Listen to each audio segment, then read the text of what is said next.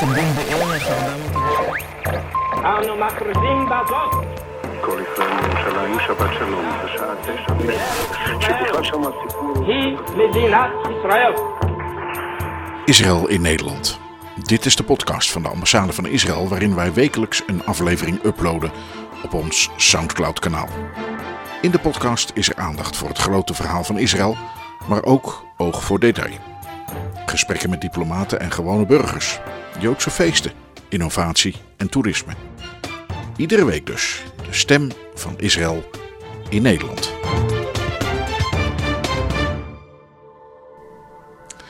Van harte welkom bij de podcast van de ambassade van Israël in Den Haag. Het is uw vaste plek voor verhalen en informatie over Israël, de Joodse wereld en de relaties tussen Nederland en de Joodse staat. Mijn naam is André Diepenbroek en ik ben uw gastheer. Een dikke week geleden was het 27 januari. Dat is de dag waarop de wereld de Holocaust herdenkt. International Holocaust Remembrance Day werd ook dit jaar speciaal hier in Den Haag herdacht, in de stad van het recht. De stad met de vele gerechtshoven en het Vredespaleis. Allemaal in het leven geroepen om te voorkomen dat het opnieuw zo mis kan gaan als het is misgegaan tijdens de Tweede Wereldoorlog.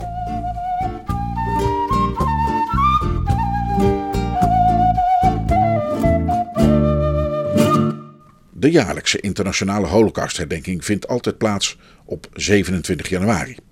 Dat is de datum waarop vernietigingskamp Auschwitz-Birkenau werd bevrijd door het Rode Leger van de Sovjet-Unie in 1944.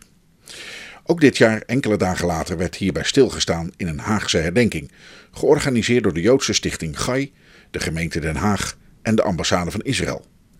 Ook dit jaar, hopelijk voor het laatst, moest de herdenking online plaatsvinden. Thema was deze keer de rol en waarde van getuigen en het optreden van getuigen bij processen tegen nazi-misdadigers. Onze ambassadeur, kerstvers gevolmachtigd na het aanbieden van zijn geloofsbrieven aan koning Willem-Alexander, lichtte het thema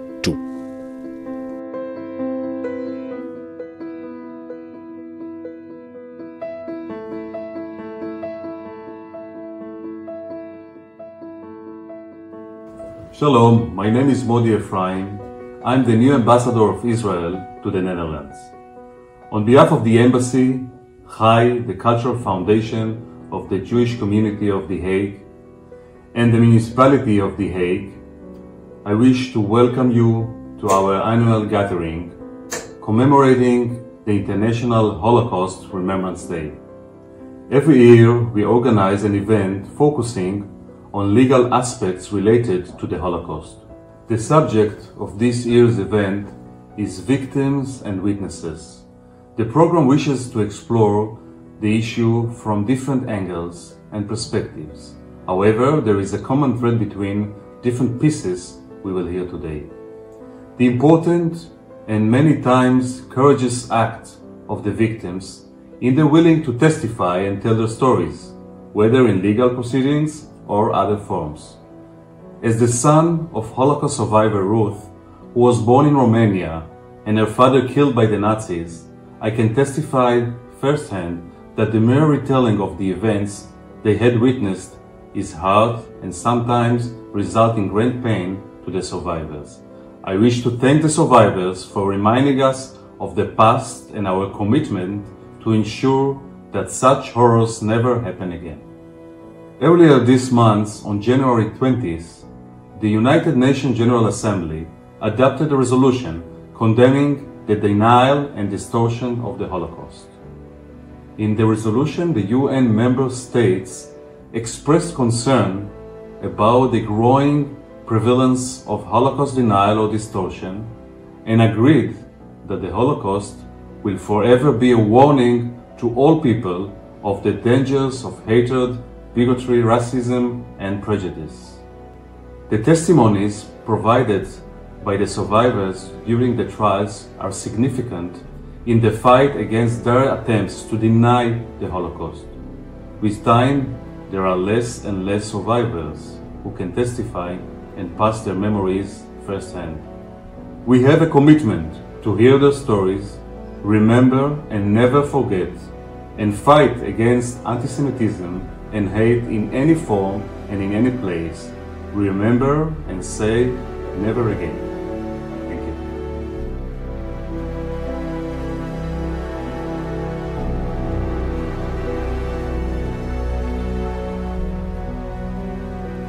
Processen tegen nazi-misdadigers. Dan denken we natuurlijk allemaal aan de Nuremberger processen direct na de oorlog, maar ook aan het beroemde Eichmann-proces in 1961 in Israël.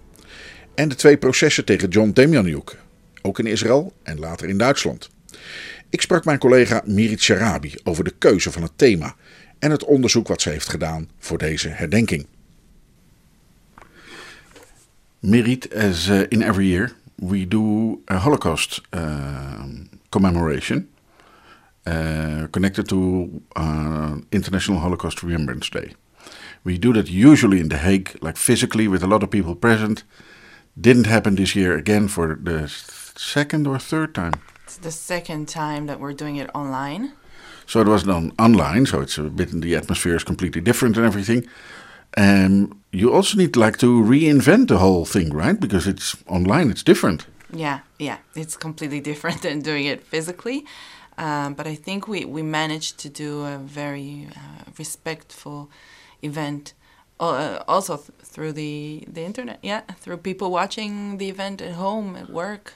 Maybe even you got a much broader audience because of this. Yeah, definitely. People from Israel side, people here. Pe- yeah, we, we definitely managed to reach more people like that. Let's hear it. What did you do this year? So, as every year, the Jewish Cultural Organization Chai uh, has initiated, uh, together with the municipality of The Hague and uh, our embassy here in The Hague, uh, an International Holocaust Remembrance Day commemoration event. Um, this is the fourth, fourth time that we, we are doing it. And um, the event was broadcasted live on 31st of January of this year and focused around the theme of victims as witnesses.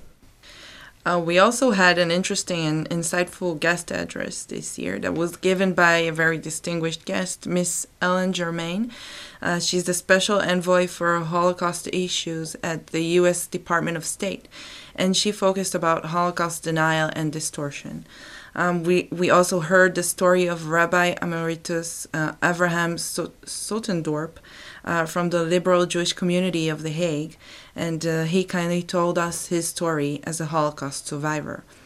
Um, Rabbi Shmuel Katzman of Chai presented his clo- closing remarks, and I very much recommend watching the film. Um, we also had uh, in the event uh, we, we paid a tribute to honor six survivors who were involved in legal proceedings.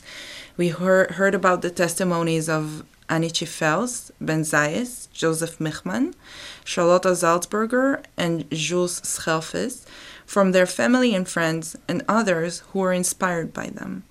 Mr. Rudy Cortices was kind enough to come to the NEOD in Amsterdam and to speak uh, himself about the story as a survivor and as a witness. At the end, Rudy Cortices, uh, and, and, you can also see it in the uh, in the uh, video, he lit uh, six candles for the six million Jews that were murdered in the Holocaust. And uh, I have to tell you, not not one eye stayed dry in when when we filmed that part. Victims as witnesses, but for us, like it's completely normal. We all know it. Uh, if you see like any picture of a trial, generally in the Netherlands we don't see a picture. People draw it mm. with pen. Um, yeah, you have witnesses. It's very normal. But was it also always like that?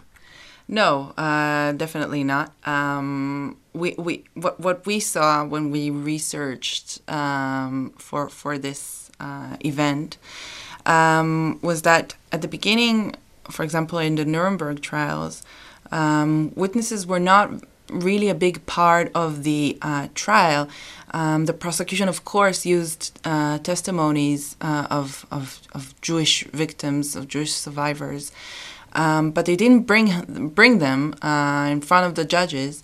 Uh, it was mainly the prosecution, the accused, and the defense. Um, and witnesses were, were given less room in the, in, in the courtroom yeah. And that changed over the years. Um, well, yeah, yeah, it, it, it definitely changed over the years. Um, we can see, even a, a, few years after the war, there were the uh, purge trials here in the Netherlands. Uh, this is how how they're called, and uh, I here I want to thank uh, Professor Tenkate and Anne Dunkelgroen for um, for their uh, research for, for our event. Um, so what we saw is, was that even a few years after the war here in the Netherlands, there were these purge trials. Um, senior SS officials and uh, German officers that were here in the Netherlands were tried uh, in The Hague um, and in Amsterdam. Um, and we do see one trial where they, they really used uh, in the verdict uh, testimonies of Jewish survivors. One of them really, um, I was really, I, didn't know that person, and I really discovered uh, that. Um, one, one testimony was, was brought by uh, Levi Louis Bennett, and apparently Mr. Bennett was known as the Louis Armstrong, Dutch Louis Armstrong of, of, of the 1930s and 40s. He was quite famous here. And believe it or not, he was taken, uh, he was caught um, by the Germans here and was taken to Auschwitz. And there he became the, um, the jazz player of the Auschwitz orchestra. Believe it or not, they knew that um, he knew how to play well. He played violin, and after he started playing violin, he also played the horn. So he had to play in the Auschwitz orchestra.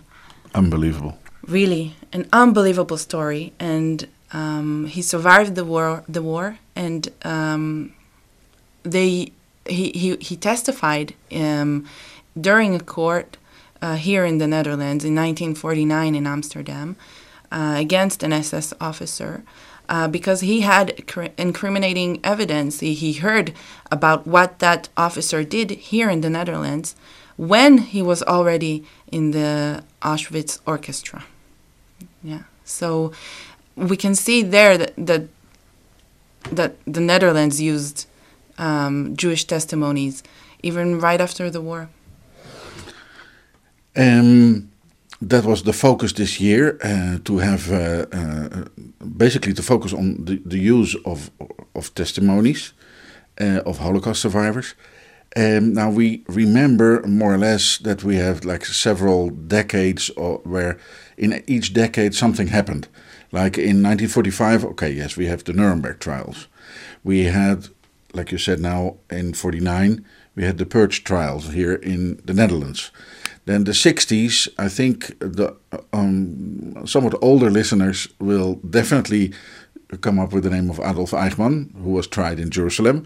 And in the 80s, we have John Demjanjuk. That's quite more recent, actually. So, what do we see over the decades? What changed? How, how were uh, um, witnesses, people that actually were there, saw it or heard it with their own eyes or ears? Uh, what happened? How, how, how did it develop? So yeah, you can see the the big change uh, when you look at, um, at video clips of the Eichmann trial. You you can really search them on YouTube. I really recommend uh, watching uh, some of them because they are really quite quite amazing to see. That uh, in Jerusalem, uh, Eichmann was brought to trial. Um, and he was sitting in that glass cage like an aquarium. Exactly, he was sitting in the glass cage um, at at the court. You can see Eichmann, you can see the judges, and in front of Eichmann, directly in front of him, was the stand of the witnesses. And when one thinks about the Eichmann trial, he's one straight away thinks about the witnesses, the testimonies, the, the people who came one after another, speaking about their families, about their loved ones that were killed during the Holocaust, speaking about their friends, speaking about even whole communities. They were there to, to tell the stories of these people. And as, as the lead prosecutor in the trial, Gideon Hausner, famously said, um, I am not standing here alone. Together with me are standing six million prosecutors.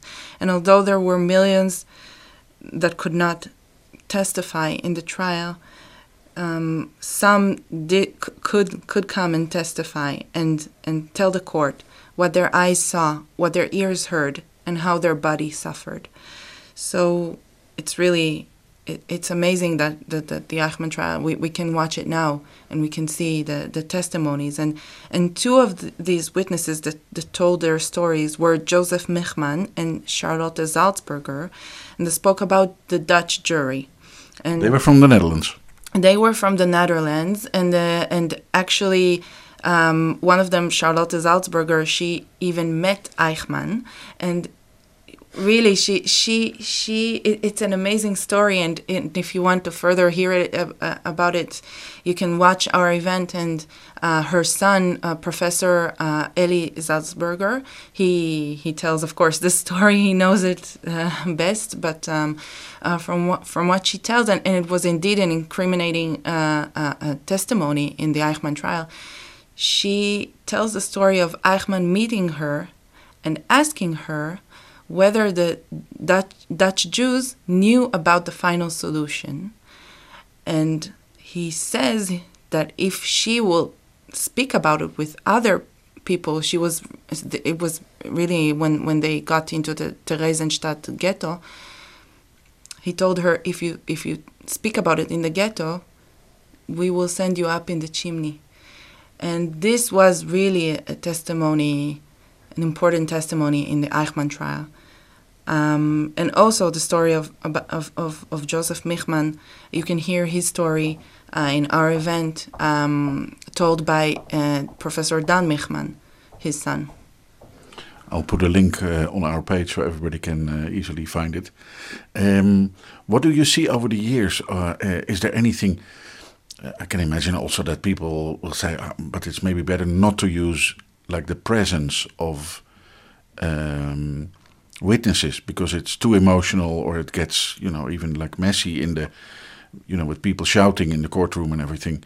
is there anything that you um, you know how, how the development actually went like from the 40s to the 50s the 60s and the, uh, ultimately the 80s and even today there is there are trials going on in, in germany yeah so i have to tell you uh, after the eichmann trial it really changed the perspective of first of all of israelis uh, because now it wasn't a people spoke about it. People in the eichmann trial they, they, they opened up about it.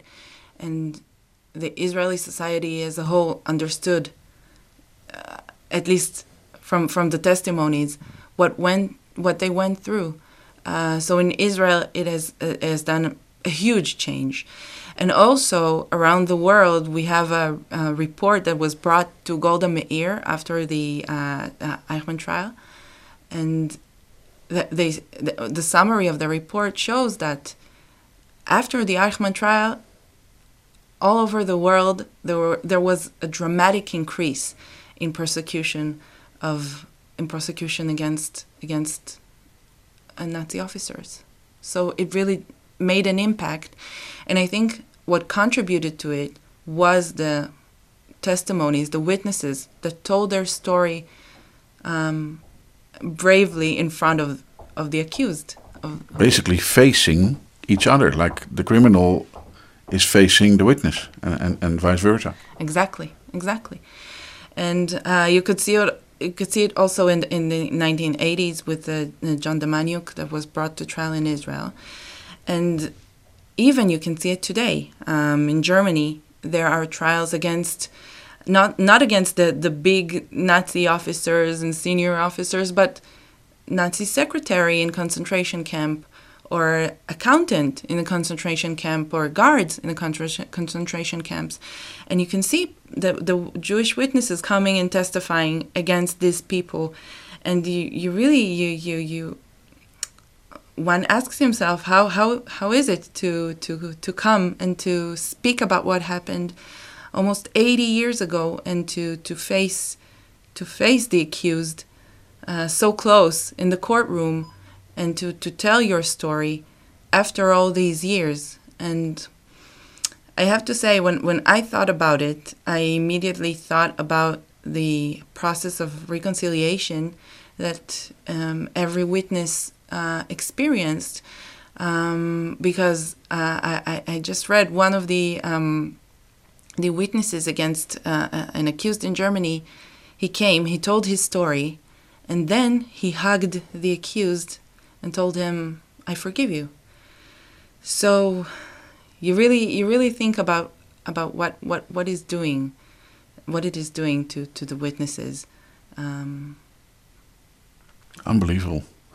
Um, but we are also, in a way, um, approaching the end of of this, right? Because the witnesses are very old people, um, and there are less and less witnesses.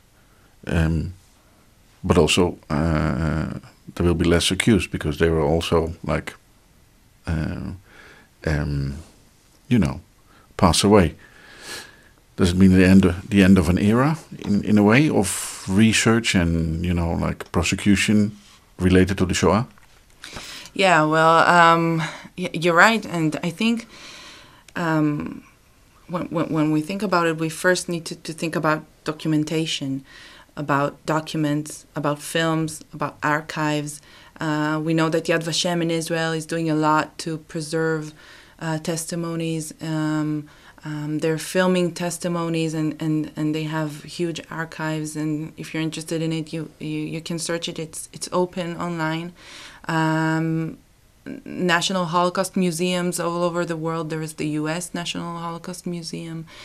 Um, here in the NIOD there, there in, in, in Amsterdam there is a lot of work of, of, of, of documenting and and, and, and and really saving the, the, these testimonies for, for the future for, for people to, to see and to watch them. And and I have to tell you about a, a, very interesting story that that um, Mayor um, Van Zanen uh, uh, told about in our event, and I really really recommend you to to watch it because um, the Mayor Van Zanen, who's the mayor of the municipality of The Hague, he spoke about historical film, exactly exactly what, what you asked about, asked about, and he, he provided for amazing footage recorded um, by by uh, a Jewish person uh, lived who lived in The Hague.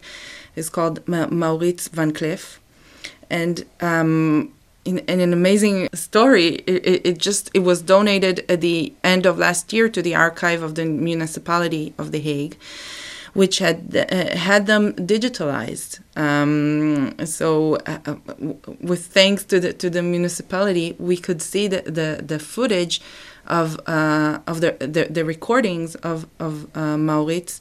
Uh, the footage consists of almost two hours of recorded footage showing the Jewish community in The Hague between 1938 and 1942, meaning even after the German forces invaded the Netherlands. So, what we can see, what Mayor Van Zanen showed us, is, is really truly heartbreaking film clips of Jewish life in The Hague in those years. We saw in the event short clips of Maurits and his family. We saw small moments of Maurits and his family laughing together, taking care of their baby, their baby's first steps. We also saw a beautiful young Jewish couple celebrating their happiest day, their wedding day, uh, through Maurits's recordings, and thanks to, to Maurits. And I have to tell you that uh, this couple and Maurits himself were killed by the Nazis. Um, but his recordings survived, and thanks to him, we, we have a small glimpse of what Jewish life was back then.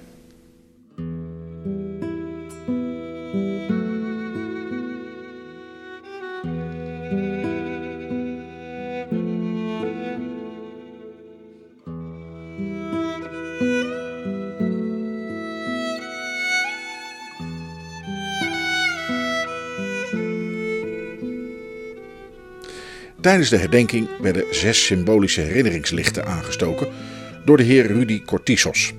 Hij overleefde de oorlog als onderduikkind, terwijl hij als getuige optrad in 2009 bij het tweede proces tegen John Demjanjuk in Duitsland. Rabijn Shmuel Katzman, verbonden aan Stichting Gai en ook Rabijn in Den Haag, deed de toelichting. Elie Wiesel famously said, For the dead and the living we must bear witness. For the world outside it is impossible to imagine what went on in there. For those who survived to ascend and take the stand called for admirable courage and commitment. For the soul of man is a candle of God.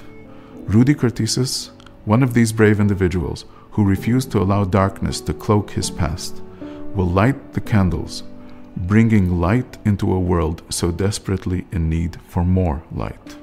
For the dead and for the living, we must bear witness.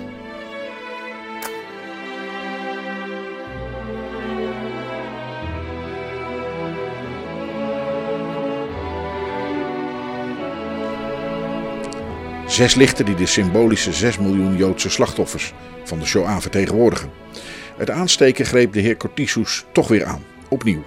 Hoe vaak hij ook herdenkt, de pijn en de emoties worden niet minder. Ik blikte met hem online terug op dat moment.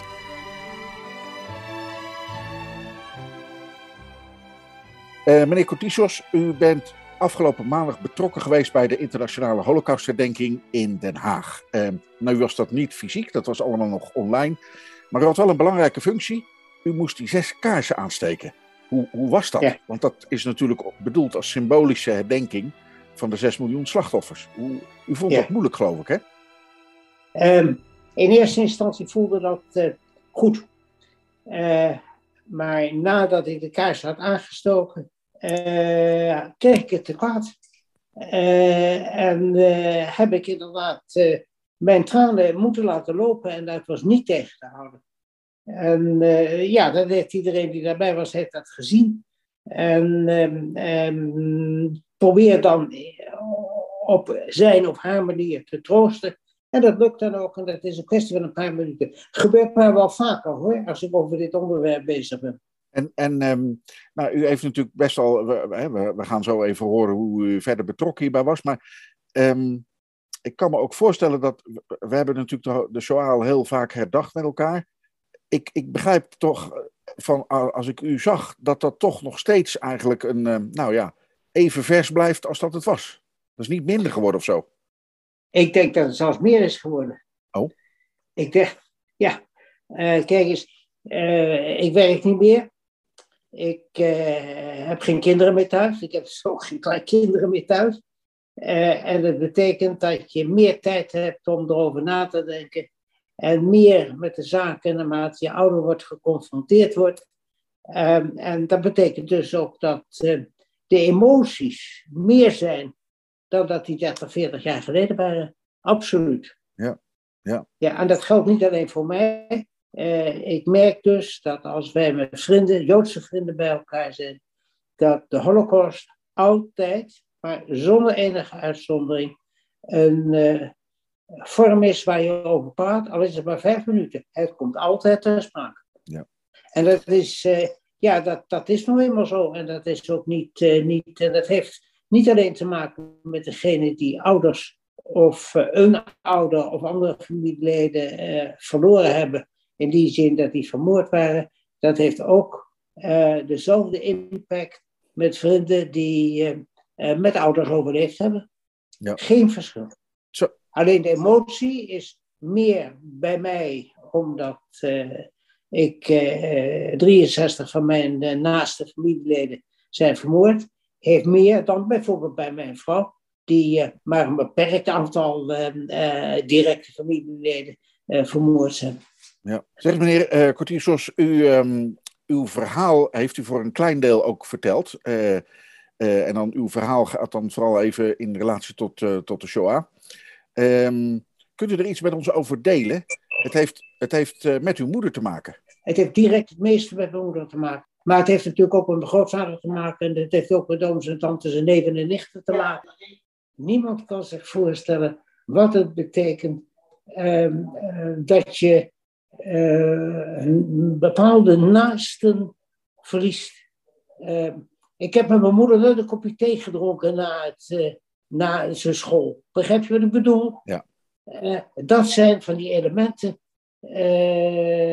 Ik kan niet zeggen dat je het fysiek mist, maar waar je aan denkt. Ja. ja. Nou was uh, de insteek van de herdenking dit jaar uh, de rol van getuigen bij, uh, bij processen tegen daders. Ja. ja.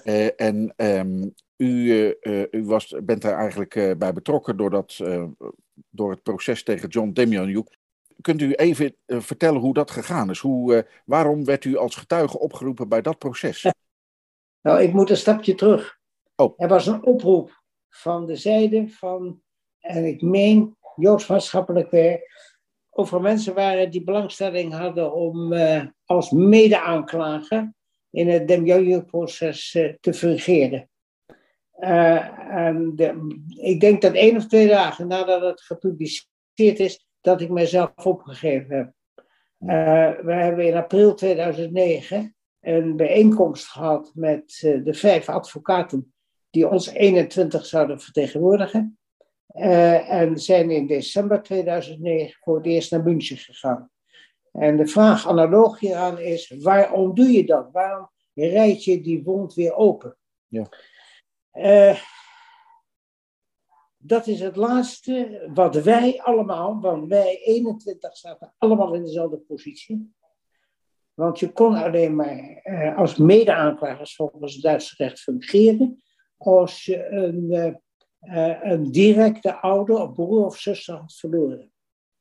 Uh, ik zeg verloren, dat is een beetje een, een, vreemde uitdrukking. Je moet zeggen dat die vergast waren. Ja. Um, en uh, dat heb ik gedaan. En daar heb ik nooit spijt van gehad. Integendeel, ik had het niet willen missen. Hoe verdrietig het ook was. Hoe moeilijk het ook was. En waarom? Um, waarom? We zijn in München. Hoofd van het nationale socialisme. In de, drie, in de dertiger jaren vorige eeuw. Um, we zijn in een rechtszaal. Er zijn vijf Duitse rechters. Er is een Duitse griffier. Er zijn Duitse advocaten. Er is Duitse politie. Er is Duitse Rode Kruis. Uh, en de voertaal is Duits. Ik spreekt die taal vloeiend. En ik heb ook mijn getuigenis in Duits gedaan. Weliswaar laten corrigeren, et cetera. En als je dan in zo'n rechtszaal met 200 mensen bij elkaar bent, met alle partners erbij, mijn vrouw is mee geweest, alle vier de keren dat ik geweest ben. Als je dat voor je ziet, um, iedereen in het zwart gekleed, Demjanjuk wordt binnengereden op een brancard. Uh, en uh, de rechter vraagt of je uh, wie je bent en wat je relatie is. Nou, dan gaat er wat door je heen. Ja. En ja, dat is eigenlijk um, de insteek geweest voor mij om, om daar aan mee te doen omdat ik, eh, dat was het laatste wat we allemaal konden doen. Ja. Maar heel heftig. Maar aan de andere kant moet ik zeggen, heel goed verzorgd. Um, alles werd betaald. We, als je je vinger opstak, kwam er al een theewedstrijd hoe we weer hebben. Uh, bij wijze van spreken. Uh, uh, goed ontvangen, voorkomend. niets duidde erop dat je in een proces was, wat dan weliswaar tientallen jaren daarvoor een, een geschiedenis die tientallen jaren daarvoor heeft plaatsgevonden, dat je um, uh, daarmee bezig was. Absoluut niet. De rol van getuigen, hè? U, u bent er zelf dus één geweest. Me, Mede-aanklager waren we, hè? Mede-aanklager. Maar u, bent ja. u, was, u, u, deed mee aan het proces omdat u getuige bent, eigenlijk, nou ja, namens, namens, de, namens uw moeder. Uh, hoe, hoe, belangrijk, ja. hoe belangrijk is die rol, denkt u? Wat is de functie die laat ik zeggen, de meerwaarde. U had het ook kunnen, even, om het even kras te zeggen, u had het ook kunnen opschrijven en op kunnen sturen. Maar nee, u nou, ik, ja, ja. Um, ik denk dat de confrontatie, directe confrontatie met Demjanjuk, degene die uh, alle familieleden, die er 21 die er waren, um, uit de trein heeft geslagen met een zweep en met honden, dat we met die man geconfronteerd wilden worden, hoewel iedereen zich keurig heeft gedragen ten opzichte van hem, uh, dat, uh, dat een heel duidelijke rol heeft gespeeld. Ja, dat, uh, ja. Ook naar de wereld naar buiten toe misschien, die, die het volgde, zeg maar. Hè? Ook de wereld naar buiten toe. Ehm, ik heb, had, want ik heb de ervaring nu eens een beetje aan het weg hebben. Ik spreek vijf talen vloeiend. Ja. Um, en uh, er waren 200 journalisten uit de hele wereld. Um, die vlug door hadden dat ik met ze kon communiceren. dat merk je nu dat het mij makkelijk en ervaringsgewijze afgaat. Ja. Ehm, ik heb ook eh, het verhaal eh, in IJslandse kranten en Thaise kranten gelezen. waarbij de brief die mijn moeder ehm, uit de trein heeft gegooid als afscheid. Ja, zij wist niet dat het afscheid was natuurlijk. Ehm, en die gevonden is en naar het onderduikadres van mijn vader is gestuurd. ehm, dat dat zo'n cruciale rol heeft gespeeld. Want ik herinner me heel goed dat eh, tijdens het proces de rechter Oud, de voorzitter van de rechtbank, mij vroeg: mag ik die brief hebben? En ik ben normaal erg beleefd tegenover mensen, maar ik heb keihard gezegd: nee, die krijg je niet. Maar hij begreep het heel goed.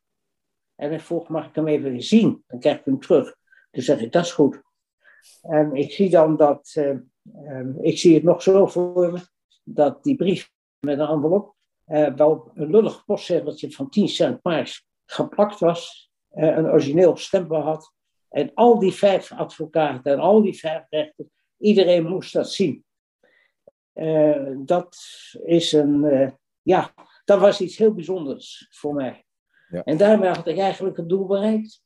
Meneer Cortisos, u had een.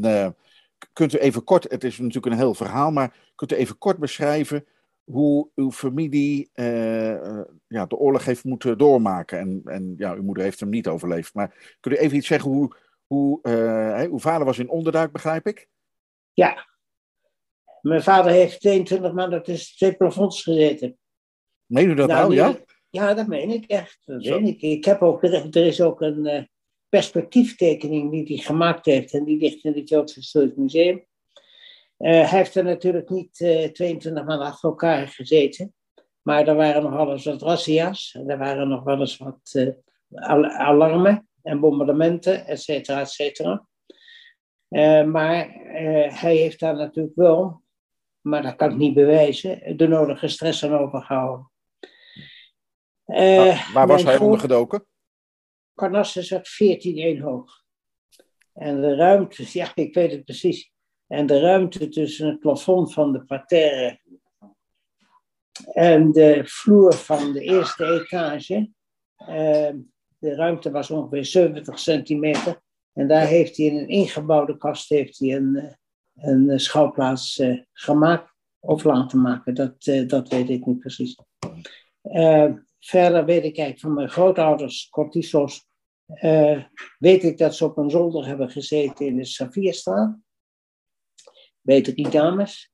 Ik weet daar eigenlijk weinig van. Eh, ik heb daar met mijn grootvader weinig over, mijn grootmoeder al weinig over gepraat. Eigenlijk niet over gepraat. En ik zo, ben drieënhalf jaar op vier verschillende adressen in Amsterdam ondergedoken geweest onder twee valse namen. En dat is eigenlijk, eh, ja, ik, heb, ik was ik een van, een, van, een van die valse namen, die voert u nog steeds, hè, geloof ik. Ja, de voornaam Rudy. Ja. Dat is dus niet uw eigen Ja, naam. Nee, dat is niet mijn eigen naam. Ik was Salomon en ik heet nu, maar dat is een heel ander verhaal, Rudolf Salomon officieel. Maar tot 1957 was ik eh, alleen Salomon Cortisos. Klopt. En, maar iedereen kent wel alleen de naam Rudy. Leuk hè? En dat was Ja, een leuk. van de namen die u op een, eh, op, eh, tijdens de onderduik hebt gekregen, Rudy. Ik heb de naam, de achternaam Sakus gehad en ik heb de achternaam Poert gehad. En dat heb ik ook kunnen bewijzen ook. Dat heb, heb ik ook. Ik heb ook gegevens daarover. Ik heb bonkaarten of brieven en, en documenten, et cetera. Ja. Ehm, uw moeder was ook ondergedoken. Ja, dat Waar denk was ik wel. Waar was dat? Was dat ook Weet in Amsterdam? Dat weet u niet. Ik denk het wel, maar ik weet het niet. Maar zij is dus de- opgepakt waarschijnlijk in een van de razzia's die er gehouden zijn. Ja, zij is opgepakt tijdens een razzia. En, eh, niet tijdens een razzia, ze is opgepakt op een tramhalte in de Van Bouwstraat. En vervoerd naar de Hollandse Schouwburg. eh, even in een nutshell. En van daaruit eh, naar Westerbork. En van daaruit naar Schouwburg. Ja. Maar ik weet niet waar ze ondergedoken is geweest. Nou werkte, ja, ik kan, dat, is eigenlijk geen goed woord. Nou, hoe zou ik het zeggen? Nou waren er meer eh, bewakers in Sobibor, laat ik het maar zo doen, eh, Ja. ehm, dan, dan die John Demjanjuk. Hoe, Ja. hoe, hoe wist u dat, dat, toch, eh, dat uw moeder toch met hem te maken moet hebben gekregen op de een of andere manier? Omdat hij in die periode in, in mei 1943 daar werkte. Dat, is tijdens, dat wist ik, maar dat is tijdens het proces ook bewezen. Dus hij moet het geweest zijn. Ja. Als, hij die, als hij die ochtend dienst had. Dienst had, ja, dat is natuurlijk even, dat weet je niet. Maar goed, dat, uh, ja, maar, maar ja, ja. Hoe is dat proces afgelopen tegen die Demjanjuk? Hij is, uh, Demjanjuk is veroordeeld tot uh, eh, 15 jaar gevangenisstraf. Waarvan hij er maar een paar jaar in een oude liedergeschrift heeft doorgebracht. En na twee jaar is hij overleden. Maar goed, hij was al 91 tijdens het proces. Ja. We zijn nu nog steeds, uh, u heeft nu ook weer aan een, uh, aan een herdenking deelgenomen. Dat, was, dat is de Internationale Holocaustherdenkingsdag. Normaal gesproken is er ook natuurlijk de 4 mei herdenking. Israël, dat, u praat met de ambassade van Israël, die heeft een holocaustdag in, ook meestal in april, mei. Er wordt veel herdacht. Wat is de waarde van herdenken volgens u? Wat is de waarde van herdenken? Nou ja, de waarde van herdenken is dezelfde reden. Um, als ik het over de Shoah heb, hè, dat uh, herdenking, dezelfde reden waarom ik gastlessen op scholen geef. Uh, dit mag niet vergeten worden. Dit heeft na bijna 80 jaar nog zo'n impact op de mens.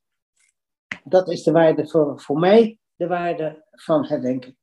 In het kader van de Shoah, van, de, van de Holocaust, etc. Wat je wel eens hoort, is een beetje, ja, vaak zo'n nou ja, zo'n zo beetje een open deur. Ja, we mogen het nooit weer vergeten, zodat het niet, eh, niet wieder, dat het niet nog een keer gebeurt. Zou dat kunnen, denkt u? Dat zoiets nog een keer gebeurt? nou, ik denk dat het na de oorlog al diverse keren gebeurd is. Ik denk dat we naar, als we naar Rwanda kijken, als we naar Biafra kijken, Srebrenica kijken, Cambodja kijken. Als we kijken naar uh, luisteren naar de radio en de televisie, dan weten wij niet half wat zich vandaag de dag nog al in die wereld afspeelt. Ik ben er 100% zeker van. Kijk naar die IS, ja. uh, het kalifaat. Het is, uh, de wereld is niet veranderd. Maar we proberen dan toch maar wat te doen daarom. En dat, dat, vind, ik, dat vind ik op zichzelf heel belangrijk.